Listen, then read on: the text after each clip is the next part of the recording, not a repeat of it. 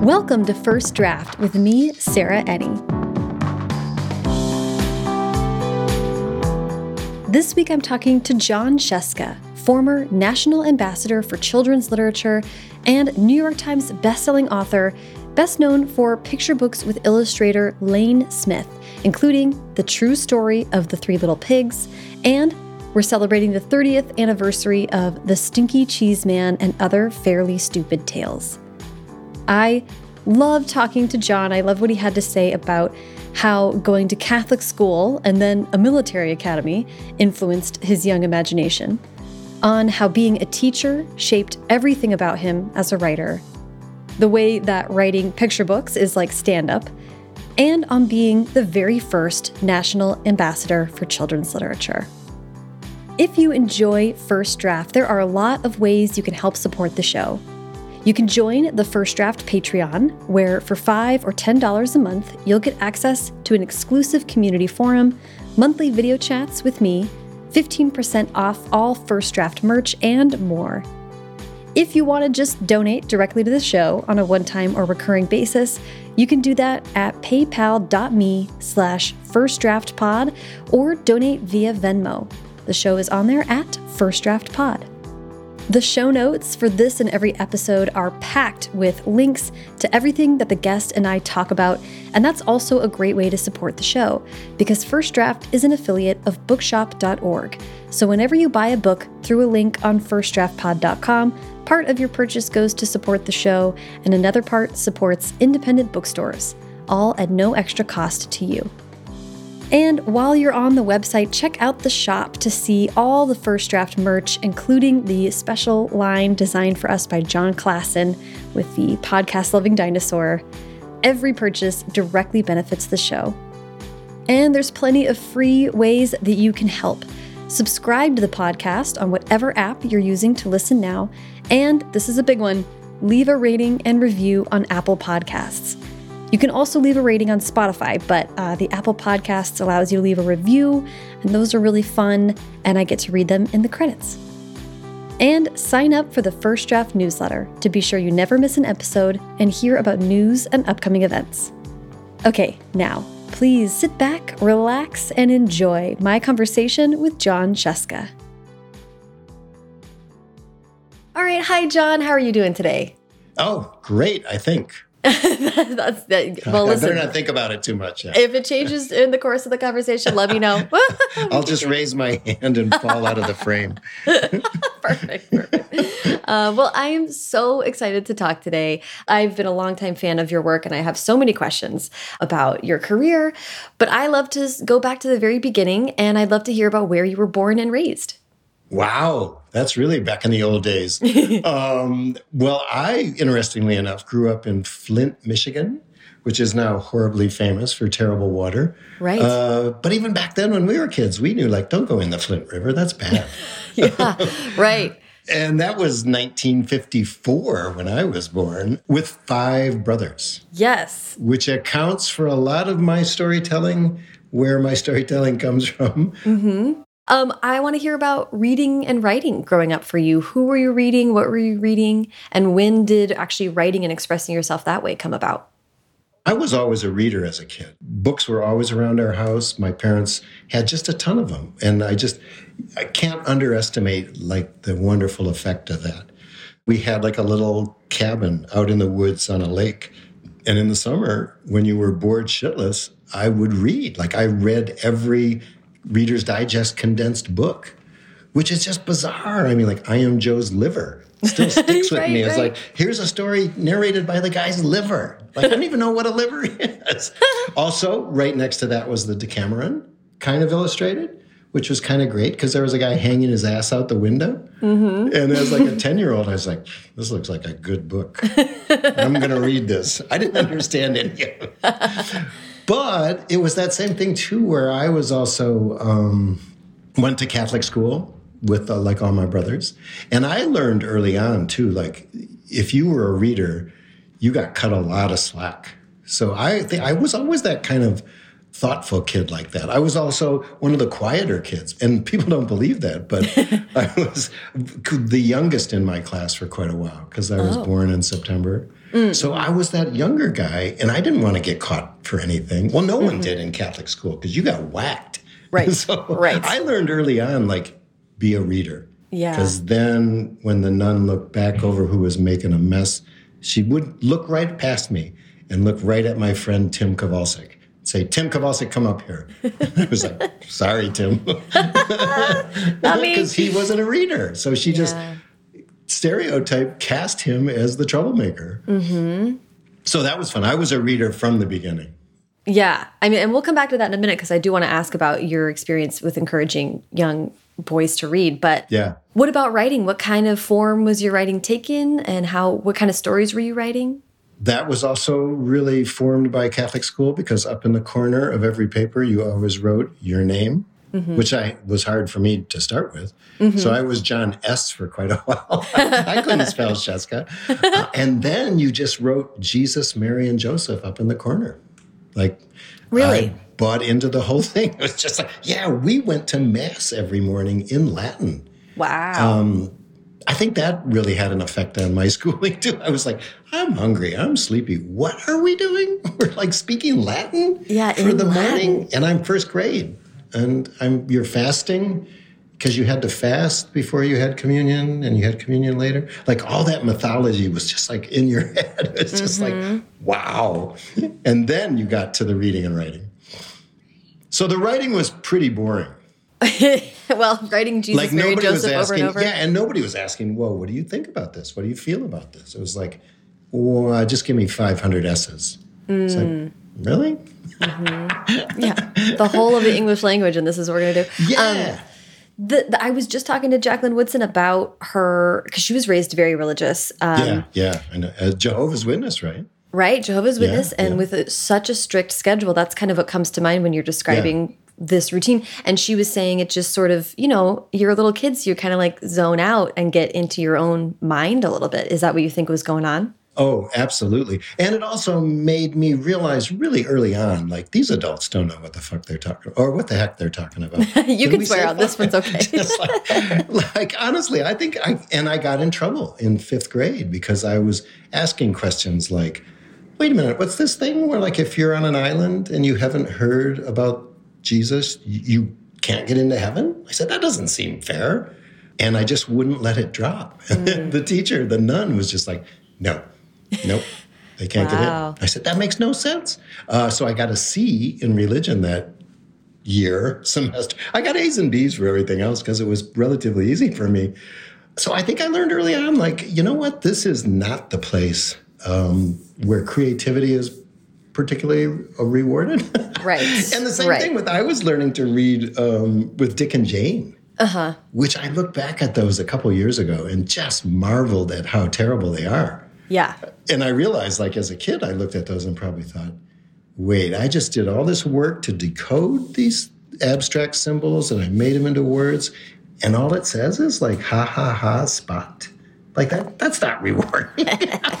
so, but at home with my mom, we were reading Dr. Seuss, uh, Go Dog Go was always one of my favorites because that thing is just a Zen masterpiece yeah. of just absurdity, yet practicality and living in the moment, actually. Like the blue dog is up. There's no arguing it. The red dog is down. It's, right. It is. Yeah. You went from Catholic school to an all boys military academy, is that right? yeah. I mean, you would think maybe I was just worried I didn't get enough structure with the nuns. right. nuns in full habits, by the way, who were wow. spooky as shit. Mm-hmm. Um, no, and I stumbled into that too. That's actually a great piece of like, I think how unthoughtful boys are in general. Because my older brother went there. My dad, uh, as an educator, tried to find a place for us uh, where we got a lot of scholarship money. Oh. Uh, so as soon as we got to like eighth grade, we went around and took tests. And so I was taking tests at private schools, like in the Detroit area. And then my brother went to Culver because he thought it was great. He said, Yeah, there's like, you get guns and stuff and you get to march around. And I was like, Oh, that sounds pretty good. but I didn't ask any more questions than that. As the ninth grader, I went there, got dropped off by my parents, and I was like, wait, you have to wear a uniform every day? and you have to march to breakfast and then lunch and dinner? And then they hmm. put you to bed? I was like, oh no. what have I done? Nowhere near civilization. I honestly didn't see that coming. But I really lucked out there. And not to completely badmouth the, the Catholic school experience, too, because now that I think of it, I had some great uh, teachers who, you know, just loved my poem about Jack Frost. And I saved that. I still, or my mom did. I still have that in my scrapbook because the nun wrote on it, like, ooh, this is a good one. Oh. Or that I drew a stop sign that I had seen when I was like in kindergarten. And she wrote, ooh, Sharpie, creative. but just that little bit of encouragement, like, Yep. you know how far that will go. Yeah. And even at that time, so I had no model for what I was going to be as a writer. And that never even crossed my mind. Mm-hmm. Because in Catholic school, your options are the priest comes in and talks about you if you had the calling. And we were all like, what? what, what calling would that be? to be like you? No, please. What's the other option? And there, there wasn't one really. You were kind of a priest or not great. And it was like, wow, that's not good. Priest or, or disappointment. yeah, or disappointment, exactly. So uh, that's where I started drifting into disappointment, I think. I understand that you went from Culver to studying writing in a more serious way. Yeah, that was kind of the great leap then. I think by the time I was in college, I knew that I loved being a writer and that I was good at it because I could hand things in and and the teacher would be like, "Wow, this is amazing. Did you copy this from something?" Was what? Thanks for the trust, by the way. Yeah, what the heck? but, and I remember that as a kid, feeling that when I read Go Dog Go or the rhyming of Dr. Seuss, and I thought, that's funny and that's smart. I would love to be able to do that. So all my writing assignments as a kid were kind of goofy, and I would make them intentionally funny. And I saw that wasn't getting much traction. So once I hit like college, they were all dark because then I was reading uh, Kafka, which I thought nobody else heard about this guy. I found his books in the library, and I just went weird, like fake. tortured European Jew. Just like- I didn't even know what I was doing, but almost every story had some weird twist. Uh huh. Or then I found Jack London, and every story had a snow dog bounding through the snow. Mm-hmm. Just like- mm-hmm. And then Edgar Allan Poe, the same thing. I did like a year of mystery stories. Oh, yeah, yeah. But then I just I kept writing, and I just I still didn't have a model for what what is that. So mm-hmm. I was also I got out of school, and all through college I studied both um, like pre med courses. Oh, okay. Because my mom told me, you know if you were a doctor, you could make a lot of money and not have to work very hard. And I went, that's exactly the job I would love. Turns out, I think that was, she said that because she's a nurse and wasn't too thrilled about doctors. Yeah, yeah. But I love that science and like amassing knowledge. Mm-hmm. So out of college, I was applying to both medical schools and writing schools. Wow, interesting. I didn't, I just had no idea. And thank God I met my girlfriend, now my wife, who said, uh, Jon, you'd make a terrible doctor. What are you doing? And I said, What are you talking about? I know all kinds of stuff. She goes, Yeah, but you hate hospitals. You can't stand sick people. When you get sick, you're a monster. And I was like, Hmm, yeah, good point. Good point. It was, it was- it was just like going to a military academy. I thought, What the heck was I thinking? That's not a good idea. There's not Uh, a lot which- of stop posts to sort of No. uh, arrange. No. You know, I, I, yeah, yes, I, I But saw you a lot what? of. I had that fun sort of like double existence of being. Otherwise, in college, as you know, like all the pre med kids are all together. You're Yeah. going to like the eight o'clock comparative anatomy lab, which I was in, but then I was also in like the freaky hippie guys comparative uh, literature stuff, comparative modern lit, and drinking in the bar with him late at night. Mm-hmm. And I was just like, oh, I really like both of these worlds, mm-hmm. but I don't know how to resolve this. So I, I didn't really for the longest time. And that's why I'm still drawn to that kind of information kind of stuff mm-hmm. of books like Math Curse and Science Verse. Um, comes out of that real love of science. Or the astronauts now with climate change. Right. Just thinking, like, I don't know, how do you make climate change funny? right. Right. so that's what took me to New York. I got accepted um, into the Brooklyn College program because some of my favorite experimental writers were working there. Jonathan Baumbach and a couple other guys who just messed around with the form, which I love. So that was when I was just coming out of school in the 70s. So it was like Thomas Pynchon, John Barth, uh, Donald Barthelme, guys who just messed around with with storytelling. Marquez, just like all the metafiction people. And I thought, ooh, that's fun. I have no idea what to do with that. Because I'd also been sending stories to like the four places that would publish them then. Right. Like the New Yorker, Esquire, uh, McCall's. I don't know. Right, and just, right. You got rejected by all of them, of course, going like, this is weird. No, thanks. did, so, do you go to Brooklyn? I read that you went to Columbia for MFA. Yep. So I did a year at Brooklyn, and then I heard uh, one of my favorite writers, uh, Carlos Fuentes, was going to be teaching at Columbia. So I transferred to Columbia for the second year and got this great kind of double exposure of all these programs. And then I thought maybe I'll be that guy, you know, with the patches on his suit coat teaching. I don't know, is that a thing? it's the closest I could think. Also trying to write a novel and not realizing like that's I that's not really how my brain works. Mm-hmm. But that was an incredible, valuable experience too to realize for the most part, writers are not great editors. Um, yes. Carlos. Fuentes was terrible, terrible as an editor. I mean, oh, we were in class where you turn in a story. My favorite one was like I had one of my, you know, kind of weird, semi-funny but kind of Kafka dark stories, and he read it and he was like, "Jon, I see angels coming out of the sewers," and I was like, I don't have any angels, and there's no sewers. Like what? that sounds oh like a great God. Carlos Fuentes thing. That's amazing. But another teacher I had that same semester was Charles McGrath, who went on to become the head of like New York Times and Times Book Review and just mm-hmm. amazing editor. He would just look at a story and go like, "Oh, you don't even need this first paragraph. Just get rid of mm. it." And I was like, "Can you say that?" And he said, "Yeah, and take this part that you buried down here and put that at the top, and it's way better." I was like, "Wow, it yeah. is mechanical."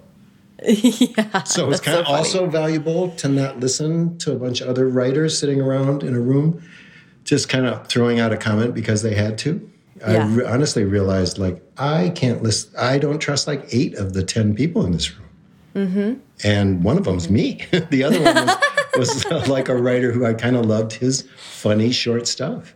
Mm-hmm. Everyone was offended that we were at Columbia getting a master's in fiction writing, and we were writing funny short things. Interesting. Like, mm.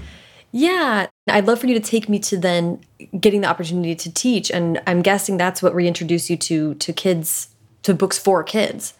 Yeah, it just again like blind luck. I mean, because but I grew up with my brothers with four, five, four. I don't even right. remember five brothers. um, so I was like a babysitter a lot. I worked as a babysitter when I was a kid too for mm-hmm. other people in the neighborhood. Like I don't know if that happens anymore. Where would you let a teenage boy watch your kids? I don't. I don't I know. But I grew up with little kids. I understand, like, they're not fully formed adults. Mm-hmm. They can be funny, they can be annoying, they can be all of that, but they're really interesting. Their mm-hmm. brain is just incredibly intense. But it was totally by accident, too, because I graduated with my master's in fiction writing and then did what I had done for most of the time, like when I was in college. I painted, like painted apartments mm-hmm. painted factories in Flint Amazing. to make cash money. That was grueling because though I was with my wife, which was great because she was making money as a magazine art director. So wow. I was like, all right, I'll, I'm the writer. I'll be the writer and the painter. Mm-hmm. Um, I sort of read about stuff like that and just kept writing and sending stuff out and getting it rejected, mostly because I was probably sending it to the wrong place also. Mm-hmm. I remember sending some stuff to Clarkson Potter because I saw they had done Beatrix Potter oh, stuff. Yeah. And they wrote back to me and said, No, we're we're like a gardening magazine. Why are you sending us this? I was like, oh great. It was pre-internet in my defense, right. but also more stupidity of my, I could have done a little bit of research. Oh, that's so funny. While I was painting, I thought, oh man, this is just miserable. I got to get out of here. And then a friend who my wife had worked with said she heard about this job in the middle of the year. They need an assistant first grade teacher. And I was like, yeah, but I, you know, I don't have any credentials or anything. I do have a master's in fiction writing. And I had a lot of brothers. Yeah, and I used to be in first grade, close enough. So I went to talk to the headmaster uh, up on the Upper East Side in New York. And he was like, yeah, you got a master's in fiction writing and you have a lot of brothers. Um, do you play any instruments? and he wasn't kidding because they had a faculty band that just kind of goofed Oh, around. funny. Um, and it was the most amazing place. It was called the Day School back then. It's now Trevor Day School up near the Church of the Heavenly Rest, right next to it on 90th and the park. And I became the first grade assistant teacher for like $8,000 Wow. Amazing. which was just like, wow, how did that even work? But that's where I got to see kids again. And again, it took a while. It took like a couple years. And then I taught second grade as a homeroom teacher. And that's when a light bulb went off. I was still sending out stories to like Esquire and Playboy and the New Yorker, getting them back. And then I just thought, oh, wait a minute. I'm reading like Frog and Toad. These are beautiful. I'm reading Go Dog Go, and my kids are just like cracking up. I should be writing for them. They're right in front of me. I'm reading to them all the time. And reading Roald Dahl as an adult to that kind of unforgiving audience was invaluable. And in fact, I would say almost all of my writing comes out of having been a teacher. To truly respect kids uh, in that way of just taking them who they are, uh, which is not always great. Um, some of them you don't like because you don't like everybody, right? Yeah, I mean, it's just like being human. Yeah. But they were so good as an audience. I remember early on telling them, like, I said, I should just tell them about stuff I'm reading. I said, you know what? There's a story about this guy. He woke up one morning and he was a bug. And the second graders were like, what? that could happen? I was like, yes, it happened. His family didn't like him. He hid under the bed. It all went weird from there. It was so perfect. It was just like, oh, this is my audience. I mean, Yeah, talk about like- Mm-hmm. suspending disbelief. Because I that then I brought all of my favorite kind of fiction tricks and the, the fiction writers I love, Borges, Nabokov, Mm-hmm. um, just people who mess around with the form. Yeah. And then that's when I then in the middle of while I was teaching, and by then actually I think we had our first kid too, maybe even two of them. Um, so I was telling my wife, and she said, "Oh my God, just would you just write and stop bitching?" And I was like, "Oh no, we can't because we got kids now." And she goes, Right. "Well, if you don't do it now, like when would you do it? When would be a great time?" I was like, "Another good point." I'm glad I'm not a doctor. Maybe I should listen to you again. And I asked a guy who had an office in Wall Street, and I said, "Oh, John, you got the spare office. Can I just use that office for a while?" He was like, "Yeah, we're not using it. Sure." So I would kind of dress up to blend in, and every day I would commute to Wall Street and sit down and write stuff and just write stories. And I decided I'm going to try to send these out. Um, I had done a little bit, tried like magazine writing, which was terribly depressing and not fulfilling at all. it just disappeared. Um, I just wanted to do my story. Yeah. So I took a full year and just went to that law office and Right. wrote stuff and sent it out. And that's where I ended up writing the true story of the three pigs in the law office, which is kind of perfect. Okay, so first of all, I think of the Stinky Cheese Man and Three Little Pigs as picture books, but is that technically true? Because they are. Yeah. I mean, Okay. they were absolutely. And, and it was that era too, because Yeah. Three Little Pigs was the first book that got accepted and published. So that was 89. And Stinky probably would not be published today. I don't know, because It's it, it's little- wordy. Right. It's not a lot more than usual. Yeah. But in the 70s, um, or actually by then it was 80 because 3 Little Pigs was 89. And then Stinky, Stinky is 30 years old this year. So that's what we're doing. We're celebrating the 30th anniversary. Yeah. Um, but that, that's way wordier than most books now. But I don't know. It's just like, I, I think it's getting more flexible now too, because I hope so. Just the to, like the technological ability. Well, like Oliver's new book with the ghosts. Oh my goodness, Yeah. that's just gorgeous. Like so who would have cool. thought to put like vellum in? in I know. book? And it shows up and it's this gigantic, Yeah. you're like, this is cool, you know? And it's massive. Yeah. And then I I was telling him that um, I I just could see. I was like, if I was a little kid, I'd be like, give me a sharpie. Like, I want to draw my own ghosts. And Yeah. it's just like, that's the point, right? instantly yep Yeah. and that's that's what fuels all of my stuff too i mean and why i think it speaks to both kids and teachers and writers because it came out of my experience of i want to excite that kid sitting in the back going like this sucks. I don't want to Mm-hmm. i don't even know what you're talking about. And i got to do that doing presentations going like oh and then they made a man out of really bad smelling cheese. That's all you need to say. And then like the biggest troublemaker in the back is like what? What did he just say? or to have the wolf just going like, ah, "I wasn't my fault. I ate a few pigs. No big deal. I got Right. framed." It was just Well- like, wow. I want to ask about that because you said you you just said it that that the that the kids were such a great audience. But I read an interview with you where you were kind of comparing it a little bit to stand up and getting to Oh, yeah. A routine by seeing their interactions. And Yep. picture books and writing for kids, it's such an interactive form, and I think that's such an interesting. It's also like I mean that's a great first editor, right? Oh then my you goodness. really know. yeah, in fact, that's a great tip, and it's what I tell anybody now um, who gives me s- uh, something to read. Because at first I start by telling them, you know what, I'm a writer. I'm a pretty shitty editor. Like, don't trust anything I say. Um, also, I can tell you without looking, probably cut half of it mm. because that's what I mm-hmm. have to do with all my stuff. And mm-hmm. third, go out and read it to a live audience of kids who don't know you. Mm-hmm. Not your nephew, not your niece, nobody you got set up for. Just try that. that's like stand up, you know, trying your material Yeah. on the road.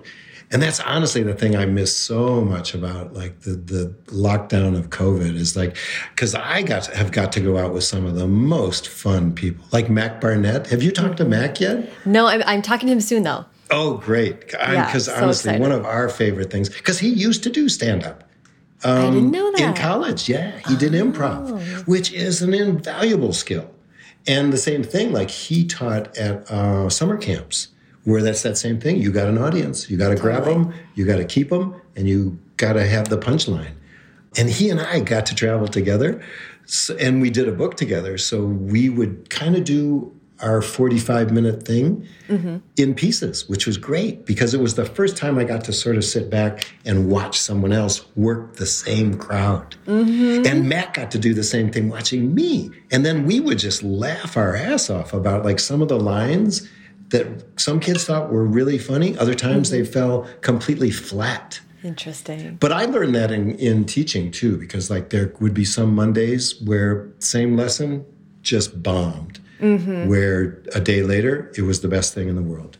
Hmm. So not to take it too personally, because mm-hmm. you're still like you're not getting ideas directly from kids. Like no one's going to say, "Why don't you write Three Pigs from the point of view of the wolf?" That'd be a great like point of view story. It's like you just get more that sense. Like if they've already tuned out, you've lost them. So you Yeah. know, I better fix that part or just cut it out. Right.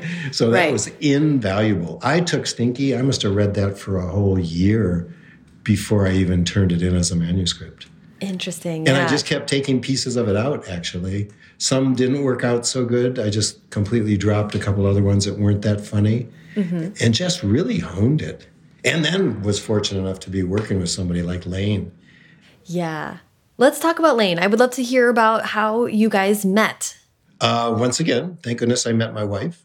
Was- so she was teaching or teach. She was working at magazines in New York uh, as an art director, and she hired Lane to do spot illustrations. And I had been trying to sell specifically Three Pigs, Mm-hmm. shipping it around. And she saw his artwork and said, "I'm going to hire this guy for the magazine. You should meet this guy. He is mm. funny and mm-hmm. dark."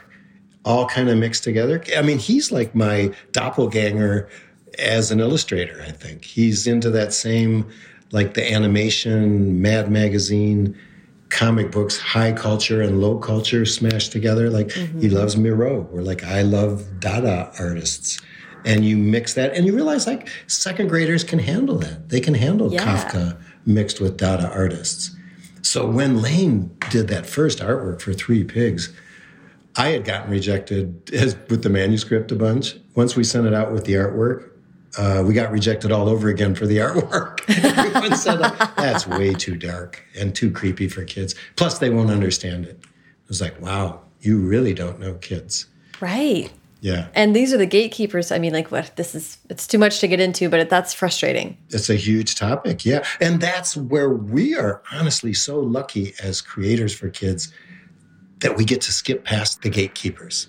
Like, just think of the breadth of those people we just talked about, like Jackie, uh, Oliver Jeffers, Matt mm-hmm. De La. Pena, I know, mm-hmm. talked to you too. Mm-hmm. Like, well, that's just a crazy spread of great people all yeah. doing different different things and telling stories in different ways. And we can get to that kid. You can be the one, or like in Jarrett Krosoczka's book, he remembers when Jack Gantos came to his class when he was a kid. Oh, and wow. Jack gave his whole presentation. They were drawing things. He walked by Jarrett's desk and he said, Nice cat, kid. That's all Jarrett needed. He goes, I'm a writer. I'm an illustrator. Jack Gantos said, Nice cat, kid. That's amazing. Oh, I love that. I was just talking to Adam Rubin and his uh, frequent. Oh, um, Adam's another great character. Yeah. Yeah. Working with Daniel.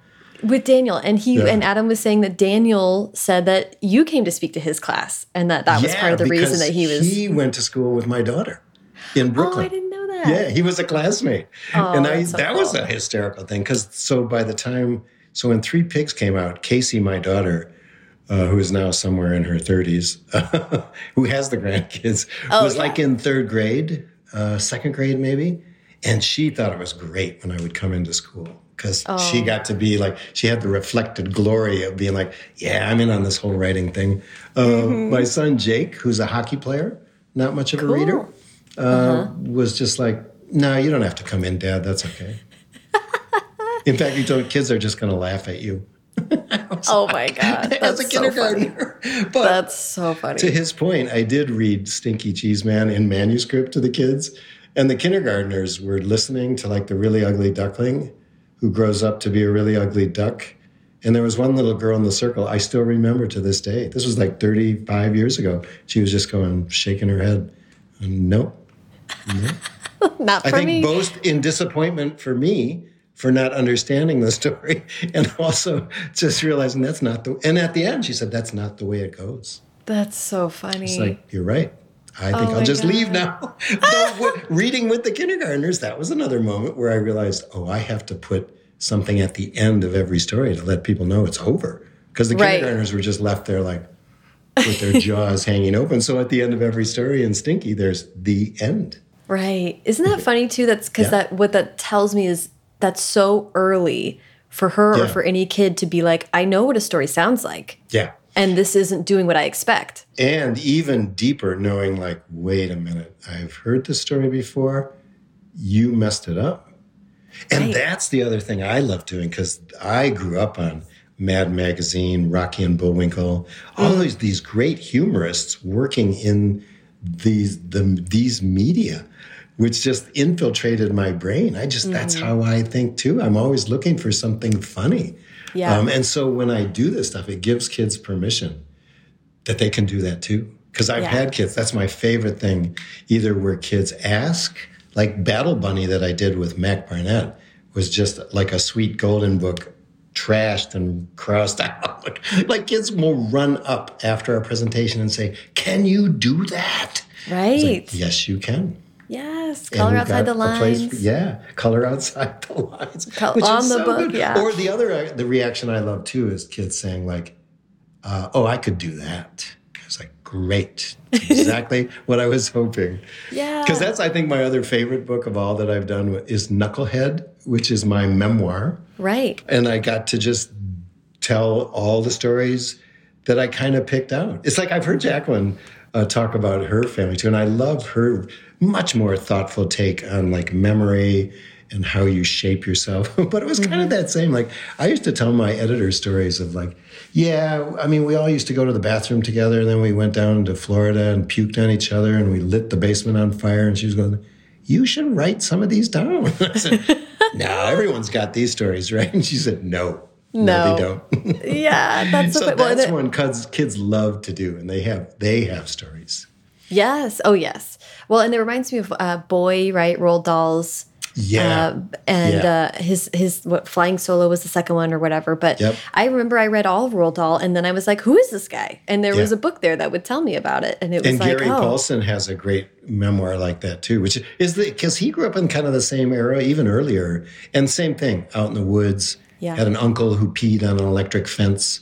There's a lot of peeing in like guy memoirs. It's just, I didn't even put all the pee stories in there. I might have to do volume two. That'd be amazing. Um, I love that you were sort of uh, uh, wearing a suit or, or passing as a Wall Street person, Yeah. riding the three pigs without Lane at first, and Yeah. then finding that connection. That's just so interesting to me. I mean, and what a leg up to have because now a lot of people write picture books and then they get paired with an artist at some point and they don't even maybe get to talk to the artist. So Right. it's so powerful that you guys were able to connect and you knew that you shared Yeah. that and mindset. that's still standard, by the way. More often than not, you you don't get to pick an illustrator. right, which Um, is wild. later you might get to. But to me, that makes no sense. I mean, the way Lane and I collaborated, you have to go back and forth. You can't mm-hmm. even just email each other. Mm-hmm. And it frustrates me. I'm working on a project now where it was like we email some stuff off and then we don't hear. And then it's just like, mm-hmm. that's not collaborating. You need to be able to say like that crazy idea out loud and go like, what if the duck just gr- is gigantic? That's the page turn. right. And it's all about the mechanics of a picture book, too, because I got a great education from my wife as an art director on how you work with an artist. Like, you don't tell them specifically what to draw, but you can have a conversation. You can have that conversation saying, like, it needs to look like an old fairy tale book, but it has to look like it got messed around. And then just kind of leave that for Lane and his wife, Molly, who's an art director too, to solve, and a designer.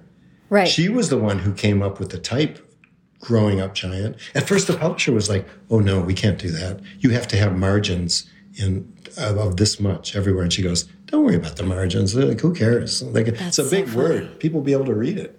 Yeah, yeah. Don't worry about it. And so many people tried to copy her. And also, it's that same thing where people will say, like with Monty Python or Saturday Night Live, they just, like, well, just anything goes. How drunk were you guys? It was like, no, it's the It's exact scientific. opposite. You Yeah. have to be so in control. And that's what that stand up routine kind of is, where you get to hone the storytelling because it has to work out loud too in children's books. That's a thing a lot of creators don't understand, which is another brutal way to see if your writing is okay. Go ahead and read it out loud and Oh, see yeah. if you're embarrassed to even keep reading it, which I always still am. I'll even edit stuff as I'm going. Yeah. Oh yeah. I mean, I love that. And and so that's I I and the, you touched on exactly the thing that I'm obsessed with talking to people who, especially people who, who write, you know, with Jon Klassen, I'm like, Yeah. how can you have a writer who because i would never be able to illustrate a picture book but i would love to write one and i'm like Yeah. how do i talk to an artist and make sure that i'm not getting in their way and give giving them something fun Yeah, it is just like getting out of the way. Mm-hmm. Because that's another thing that I can tell people when they ask me about writing a picture book manuscript. I can say, you can just look through your manuscript right now, get rid of all your descriptions of the clouds and how the trees looked, because your illustrator is going to take care of that for you. Like, use them as your real ally. It really has to be at least 50 50. I mm-hmm. mean, I love, like the Mac and Jon Klassen books together are just gorgeous. They're It's so the- cool. And it's the page turn. It's interesting that a lot of those guys that I love most come out of animation. yes Lane was an animator himself, did his Oh, own know that. films. Yeah, and when you look at Three Pigs, it's exactly that. Like there's a close up, Yep. or there's an establishing shot first that's big and wide, then it zooms into the close up, and there'll be just little details here and there. It's how your eye travels through the story. Yeah. And that's so interesting because I, someone told me the other day that since movies and TV entered popular culture, Yeah. we dream differently. We dream Wow. in jump cuts and things like which makes sense. I totally believe that because it changes your brain. I mean, I, that's what I loved doing when I was doing pre med, and I still love to read anything about how your brain works. It's it's just fascinating. It's and it's and it's wild. It's like It's something wild. you wouldn't even believe. Like no, wait a minute, it can't, that can't do that, can it? Just, right? Yeah. And there's so much we do don't know. Split, split, split second. You don't even yeah. know what's going on. Yeah. um, oh my gosh. Okay. I, there's so much I want to cover. So that that so the, the true story of the Three Little Pigs is what you come out with, which is such a funny. I mean, that book meant a lot, a lot to me as a kid, and so did Stinky Cheese Man. Oh, so, that's so good. Yeah, you know, I was reading those. I was reading Far Side, Calvin Hobbes. Yeah. Right. It was all the stuff where I was like, oh, somebody gets it. You know, it felt like such a such a missive from another planet that I was like, oh, I'm also a Martian. like the, they're out yeah. there. Um, yeah. But I'd love to talk about your the progression of your career. I want to talk about Guys Read, and also I think Guys Read predates the national ambassador yep. ship, right? Though it kind of led into it. Um, yeah, I'd love to hear about what. Please explain to the audience what Guys Read is and yeah. why you decided to start it. Well, Guys Read just honestly came out of my personal experience of growing up with all brothers. Mm-hmm. So I just came from that household realizing like uh, there's some similarities of boys and a group of girls. Just even, it's not stereotyping people just to start with that, to maybe start talking mm-hmm. there. Because it was very touchy. I mean, when I first started talking about it, I was talking to my editor and I said, Oh, I'm not going to tell this to an audience that's 90% women at like ALA. Right. And she right. said, Oh, you have to. And I was like, Do I really? okay, I will. Um, and it, it came out of that experience. And then having almost the stereotypical girl and boy, my own, they're two years apart. Our daughter went on to learn, like, I think she knows six languages or something. Wow. Yes, Mandarin and Arabic among them. Um, it was just like, what? Very and impressive. She would read goodness. everything. She's a writer on her own. She owns an inn, just like a super overachiever. And Jake, who's two years younger, was like, you don't have to get an A on everything. Like, hand the thing in. That's fine. Yeah. And I just like, that's such a guy attitude. Like, that's my younger brother, too. yeah. Just like, but what if like school doesn't really matter? And I was like, huh? What are you talking yeah. about? And that's what I realized being inside school. I thought, this thing is not designed really well for everyone. Mm-hmm. It works great. And biologically speaking, again, girls are just miles ahead of boys. And I would see that in second grade, mm-hmm. where girls have better small motor coordination in general. Mean, yeah. like all these things are in general, but that's how we have to talk about it. And I would just say, look at your classroom. And I would tell teachers who love circle time who loves sharing, who loves listening and talking. It's not the boys. Mm-hmm. And a lot of that is just the way they're wired. Mm-hmm. Like their nerve sheath is not insulated, which is fascinating. It's that easy almost. What does like, that mean? Um, like all your nerves are connected from your brain down to all your outputs and inputs that mm-hmm. you're doing. And that's how electrical signals come and go to your brain. So if you think of boys, they're just really poorly wired for the first couple of years, like first of, couple of being school. up through the 30s, I think. As boys, any boyfriends you might have had. Uh, but I'm a little familiar our nerve cells develop way later. I think that's why they had no clue about being a doctor or going to a military academy. Like I didn't think about that. My both my daughter and my wife are just like ultra planners. They have a million plans. They said, "How could you not think of that?" And I was like, "I don't know." Just and I also just forget shit that I don't care about. She goes, How can you do that? but it's it's biology in some ways, Uh-huh. but also sociology. So it's a really terrible, knotty problem of like we're telling kids like reading's important for everyone, but their teacher is a woman in lower elementary, the librarian's a woman. The only guys are probably the gym teacher, the principal, um, and the food service guy. So, what are we really telling kids? Hmm. So, it's a very knotty problem of like, yeah, maybe maybe school's not essential. At Right. least school in that way. Like, I Right. think we really need to still rethink school. But Well, I thought yeah. of the most practical way I could approach this, and and because people always would come up to me and say like, "Oh, I'm so glad you're writing stuff like the Time Warp Trio, which just came out of me telling stories to my kids and wanting to keep them fast and talk about I just stole like the format of TV writing because there's like cliffhangers, short chapters, commercial breaks almost, Yeah. nonstop action. You can clearly see what's going on. Always, it's these three guys. They're always trying to do the same thing for 16 books, um, and it just like resonated with these guys. And I thought, and it's uh, sort of what's happening in publishing today too. I tell writers like, stop lecturing kids. Like it's not helping. And, and I know you're well intentioned to say like everyone loves everyone. It's like, you know what? Kids know that's not true. Like, and I know it's nice to be kind, but maybe it's better to be absurdly funny or just be mad sometimes, or maybe just tell a story. mm-hmm. So, a big piece of guys read was let's just assemble all these short pieces that kids can then pick and choose what they want to read. And boys can find authors and illustrators they love. Mm-hmm. So from the beginning, I made sure and just grouped 10 original short stories by genre and then invited the best people I knew. Uh, Jackie among them, who wrote us a great sports story, which yeah. seems counterintuitive, but she used to be a track person, which yeah. was kind of great. And when I asked her, she was like, Yeah, I might have something. Uh, Kate DiCamillo, who just wrote one of the funniest things, she and I worked together. Illustrators. And then, like, it's what we love to do as readers. We love to have choice. And I told teachers and librarians, like, look at your side of the bed and then look at the other side of the bed where your partner is. Chances are they're not the same. mm-hmm. Mm-hmm. And we never say, like, you have to read this whole book and then turn a report on it by tomorrow. Yeah. That what a way to kill reading, right? Oof, Even yeah. my son used to tell me, like we said, aren't you going to bring some books? Like we're going for three weeks on vacation. He goes, no, I'm just going to have to write something about them. Why would I do that? Oh, it's man. Like, oh, man. Yeah. We've created we a really, bad correlation. We've created a bad correlation. Yeah. Exactly. Yeah. And just to be clear to anyone listening who's not familiar, Guys Read, it's a series of anthologies that, as you say, are a collection yeah. of short stories and I think also some poems and. Yep. Uh, and graphic, there's a graphic tale in each one of them. Dav Pilkey did one. Um, Jeff you got, you got uh, Shannon Hale in there. Yeah, and Shannon Hale uh, Kate or uh, Adele Griffin. She just moved to LA, so I've been seeing Adele. Oh, nice. Yeah, she and Lisa Brown together did one of the best, spookiest stories where a guy's tattoos like come alive. It was just like, whoa, so cool.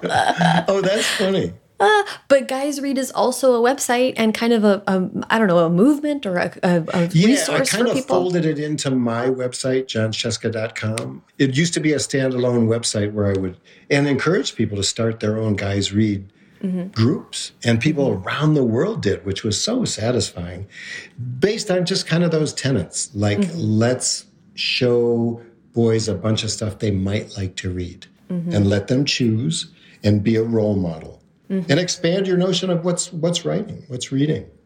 It can be online, it can be graphic novels. I mean, that was 15 years ago, probably when I started it.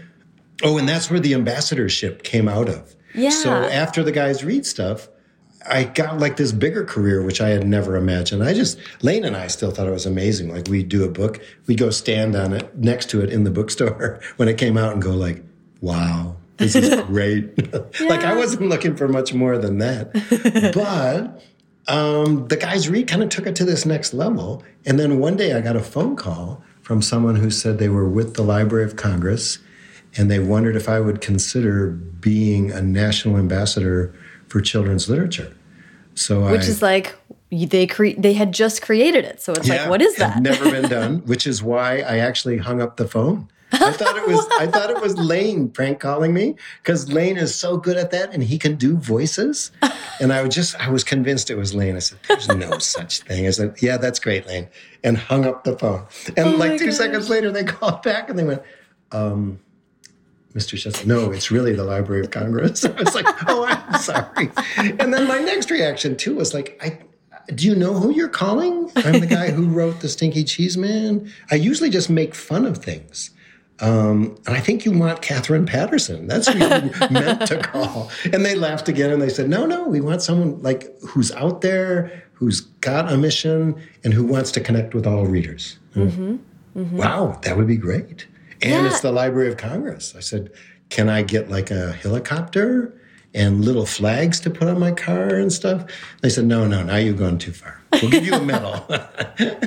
which is pretty cool. So I got a medal, which is pretty cool.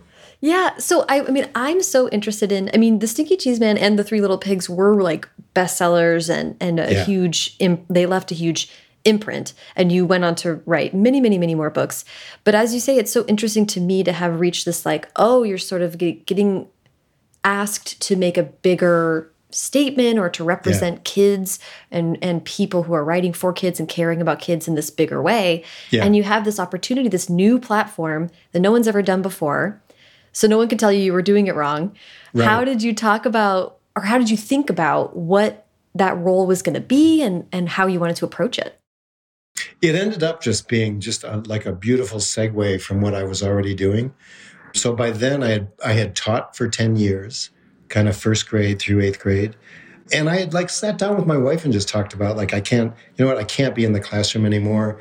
It's just it's I can't do both at the same time. I'm going to have to not be in the classroom, but I think the way to think about it is to be a teacher in a much bigger way and just reach a much wider audience, which is still what I feel like I'm doing with my books, both as an example and ammunition that I can put in the hands of teachers going like, yeah, we can cross out a book like Battle Bunny. Yeah. or we can write a memoir like Knucklehead. Or we can write science poetry or math problems. Um, and that really freed me up. That just made me think like, oh yeah. And then just to go after that hard. And it worked out beautifully because it was right. Well, I was just doing a giant Trucktown program with Simon and Schuster, like 50 books over two or three years working with Dave Shannon and Loren Long and Dave Gordon as the artists, just doing all these books. And so we went on tour, and I just used it both as a Trucktown tour and as an ambassador tour. Mm-hmm. And that's where Dave Shannon made up just everything. He would just pull stuff out of his uh, hat, I guess we could say, where we'd be talking to kindergartens. He'd go, Oh, you know what? When the ambassador comes in, you all have to go, Woo! And of course, being kindergartners, they would. he said you have to do the same thing when he leaves. It's like, woo! That's so funny. it was so good. I love and that. it just gave me a, a platform to talk about stuff I was already talking about with my friends. I mean, like with Mac Barnett, uh, who I got to meet through my daughter too. They went to school together. Oh, interesting. In That's California, so yeah. How funny. Uh, and Jon Klassen and like just like having that deep or like talking with you, mm-hmm. having this kind of deeper conversation because we still we need that all the time. Yeah. It's so frustrating to just get this little blip of like, no, that's a good book, that's a bad book. Uh, right. Did, did it was it starred? Yes. If not, no. It's like no, it takes like forever sometimes for a book to find its audience. And yes. the fun thing with Stinky and Pigs, like we're working on um, some movie and television stuff because it's now come full circle where Lane and I early on were the guys trying to pitch this, saying like, "Oh, this is going to be great. It'll be funny." And it was like a bunch of people in the, in the room going like, "I don't know. It's I don't know. I just don't know." Yeah. And then it just never worked. Now everyone is like your age in the right. movie, and they're pitching us saying, "I grew up with this book. We will do it right." So yeah. they're in the middle. We'll see how that goes.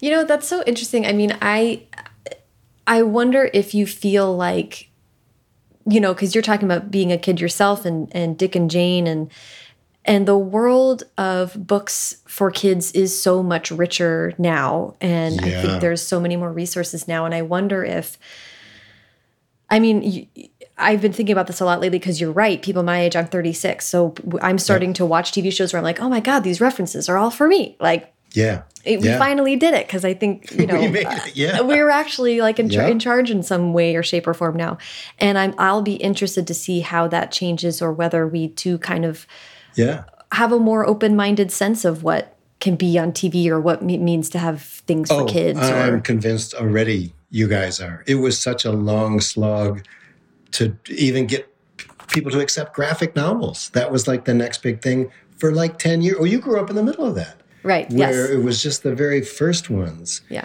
And but there were people doing great work in that form forever. Yeah. It's just it's it's an ancient form actually. It's rock painting. Mm-hmm. Like please, like don't just crap on that and don't use it. So and man, the diversity element is spectacular. Mm-hmm. To just have all these creators. I love that I think we're going to move beyond this piece where everyone for a while just seemed like stuck in pure identity politics of like uh-huh.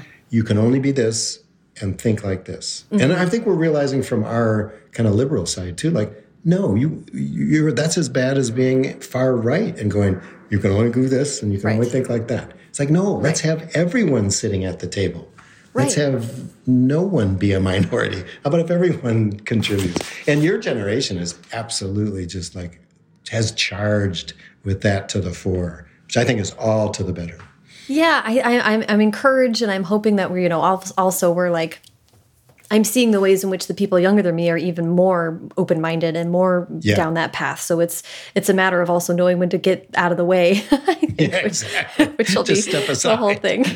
but um, let's talk a little bit about AstroNuts because I think that's what is that what you're the most recent that's thing you've been working on, and they're thing. so cool. Yeah. Can you talk about what was you mentioned climate change, but what was the uh, impetus for coming up with this series? Yeah, in fact, that was when I was traveling with my son-in-law who does the illustrations for AstroNuts. Um, I lived in great. Brooklyn forever. We ended up moving up to the Catskills across the road from my daughter and her kids. Cool. Um, we asked them first, like, is this creepy can we do good. this?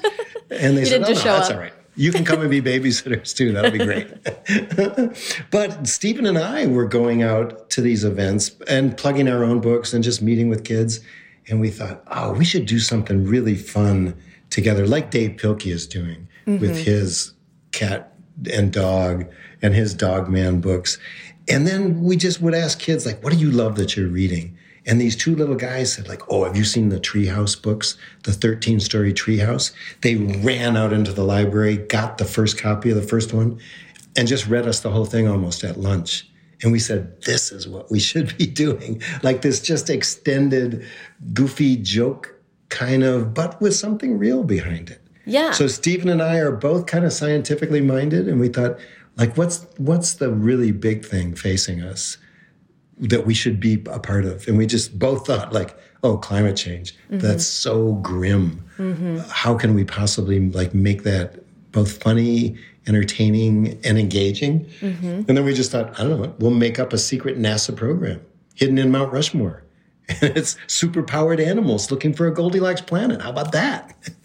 so good. And I love it's yeah. NNASA. It's N yeah, NASA. It's not NASA. NASA. NASA. And then Steven, I love his artwork in this. It's what I love about Lane stuff too, is the collage element. Yeah. Where the same thing I love to do with a story, as one third grader told me, she said, You just take stuff and mess it up. And I went, it's a pretty good That's description pretty of what I do. Um, so She's all of his stuff it. is collaged. The first book was working with the museum in Amsterdam that has Rembrandts and things. Yeah. They have all their stuff online. It's the Rijksmuseum, and it is gorgeous. So all of that stuff, the characters included, come out of classic old lithographs, etchings, paintings. Uh, the second one, we started working with the Smithsonian mm. and got to use their stuff that's like a Hokusai wave coming on to crash into the water planet. Mm-hmm. Uh, and it's been so much fun because once again, it just renewed my faith in how smart kids are.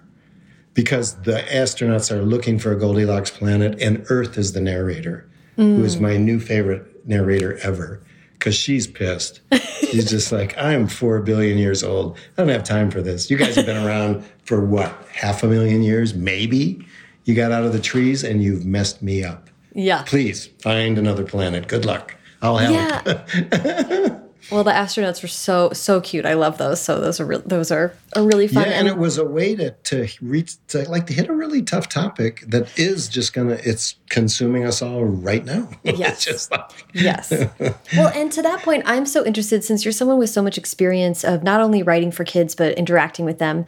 Yeah. I would love to just hear about what's it been like to over the last couple years see your grandkids dealing with the pandemic and being inside as you've said and also yeah. trying to i know you've been doing zoom visits and seeing how different and weird that is. What's your perspective? What are you taking out of this?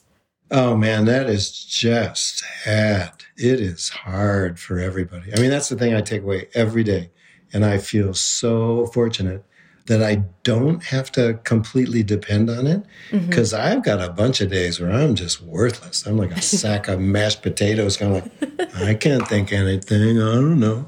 I'm just going to sit here. just yeah. Like but, and I know what it's like to be a teacher. That is one of the hardest jobs. That's prepared me for everything too.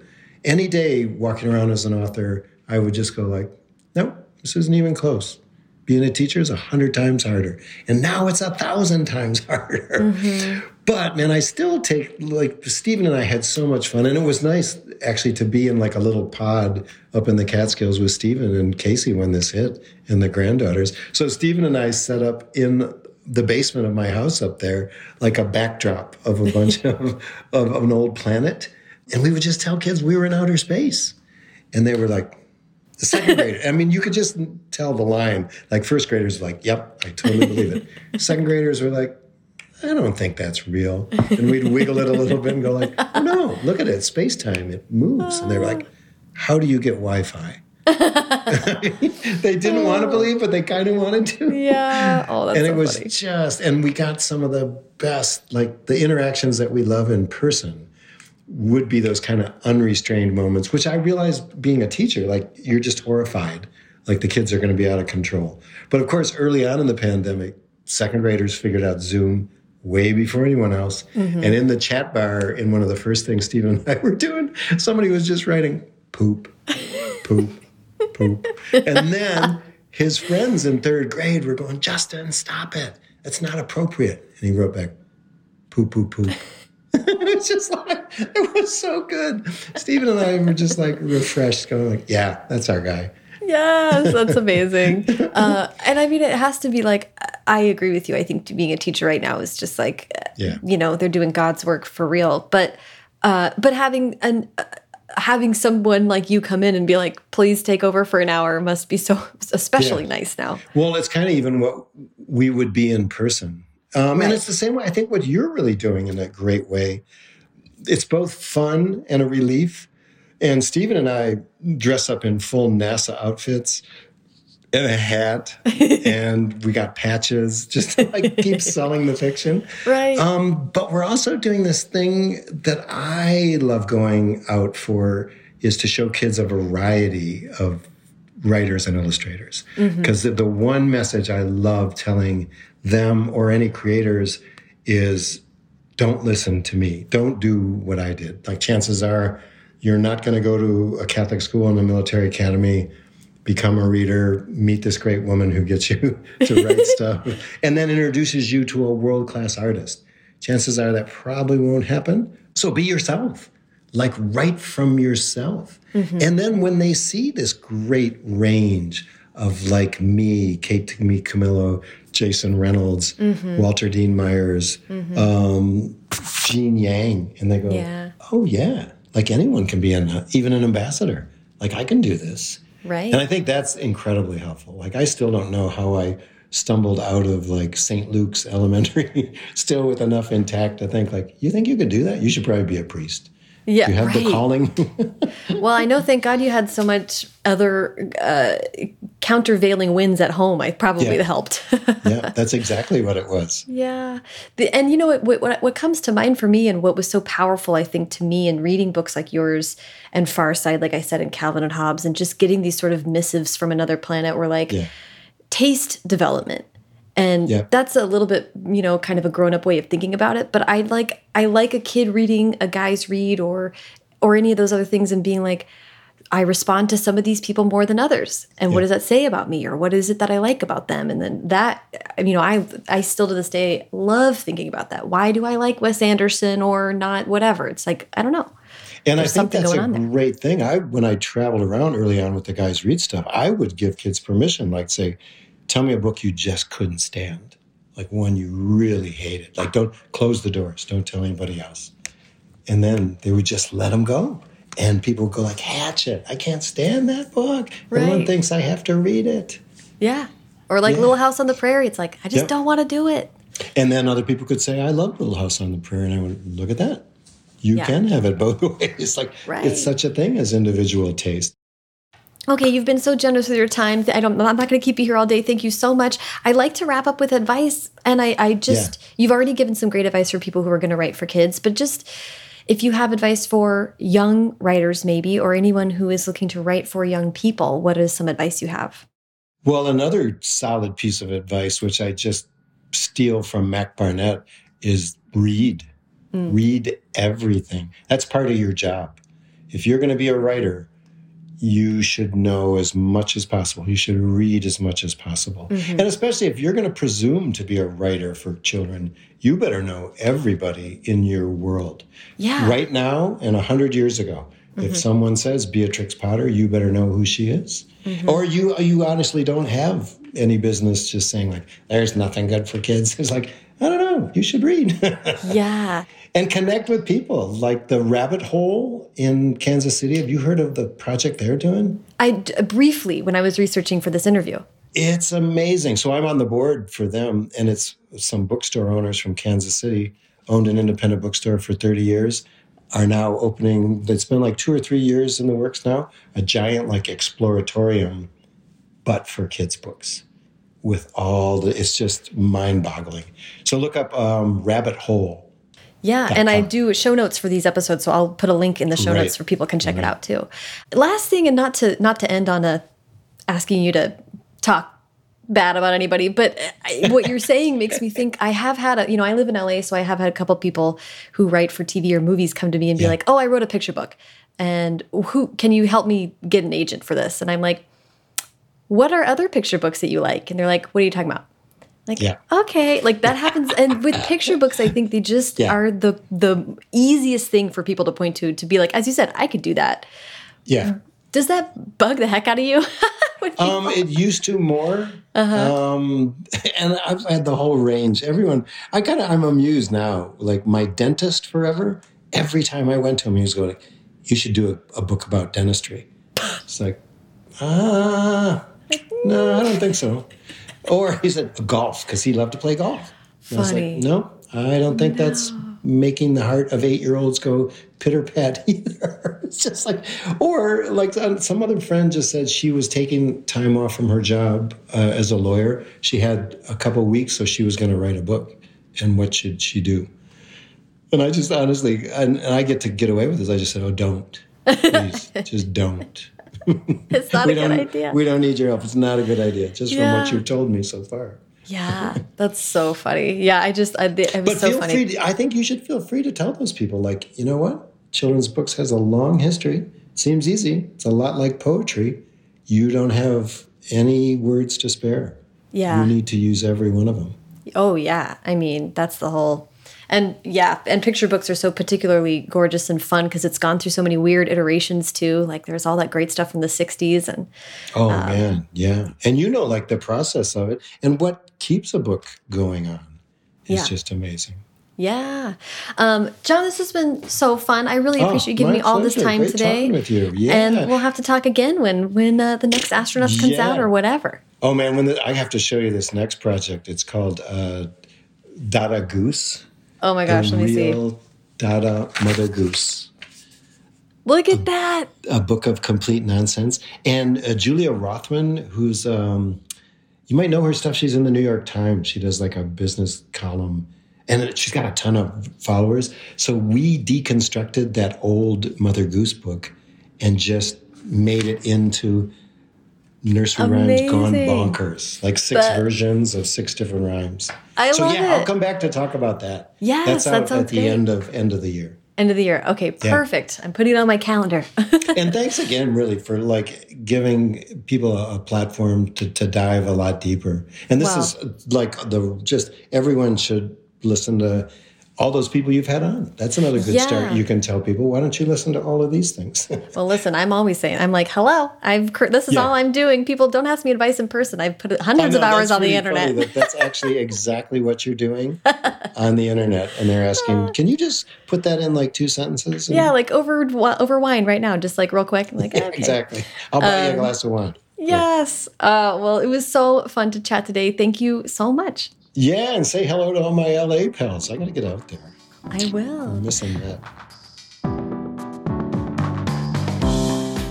Thank you so much to Jon. Follow him on Twitter and Instagram at Jon underscore Scieszka. That's at J O N underscore S C I E S Z K A. And follow me on both at Sarah Enni and the show at First Draft Pod. First Draft is produced by me, Sarah Enni. Today's episode was produced and sound designed by Callie Wright. The theme music is by Dan Bailey, and the logo was designed by Colin Keith. Thanks to social media director Jennifer Nkosi and transcriptionist at large Julie Anderson. And as ever, thanks to you, Dada Mother Geese, for listening.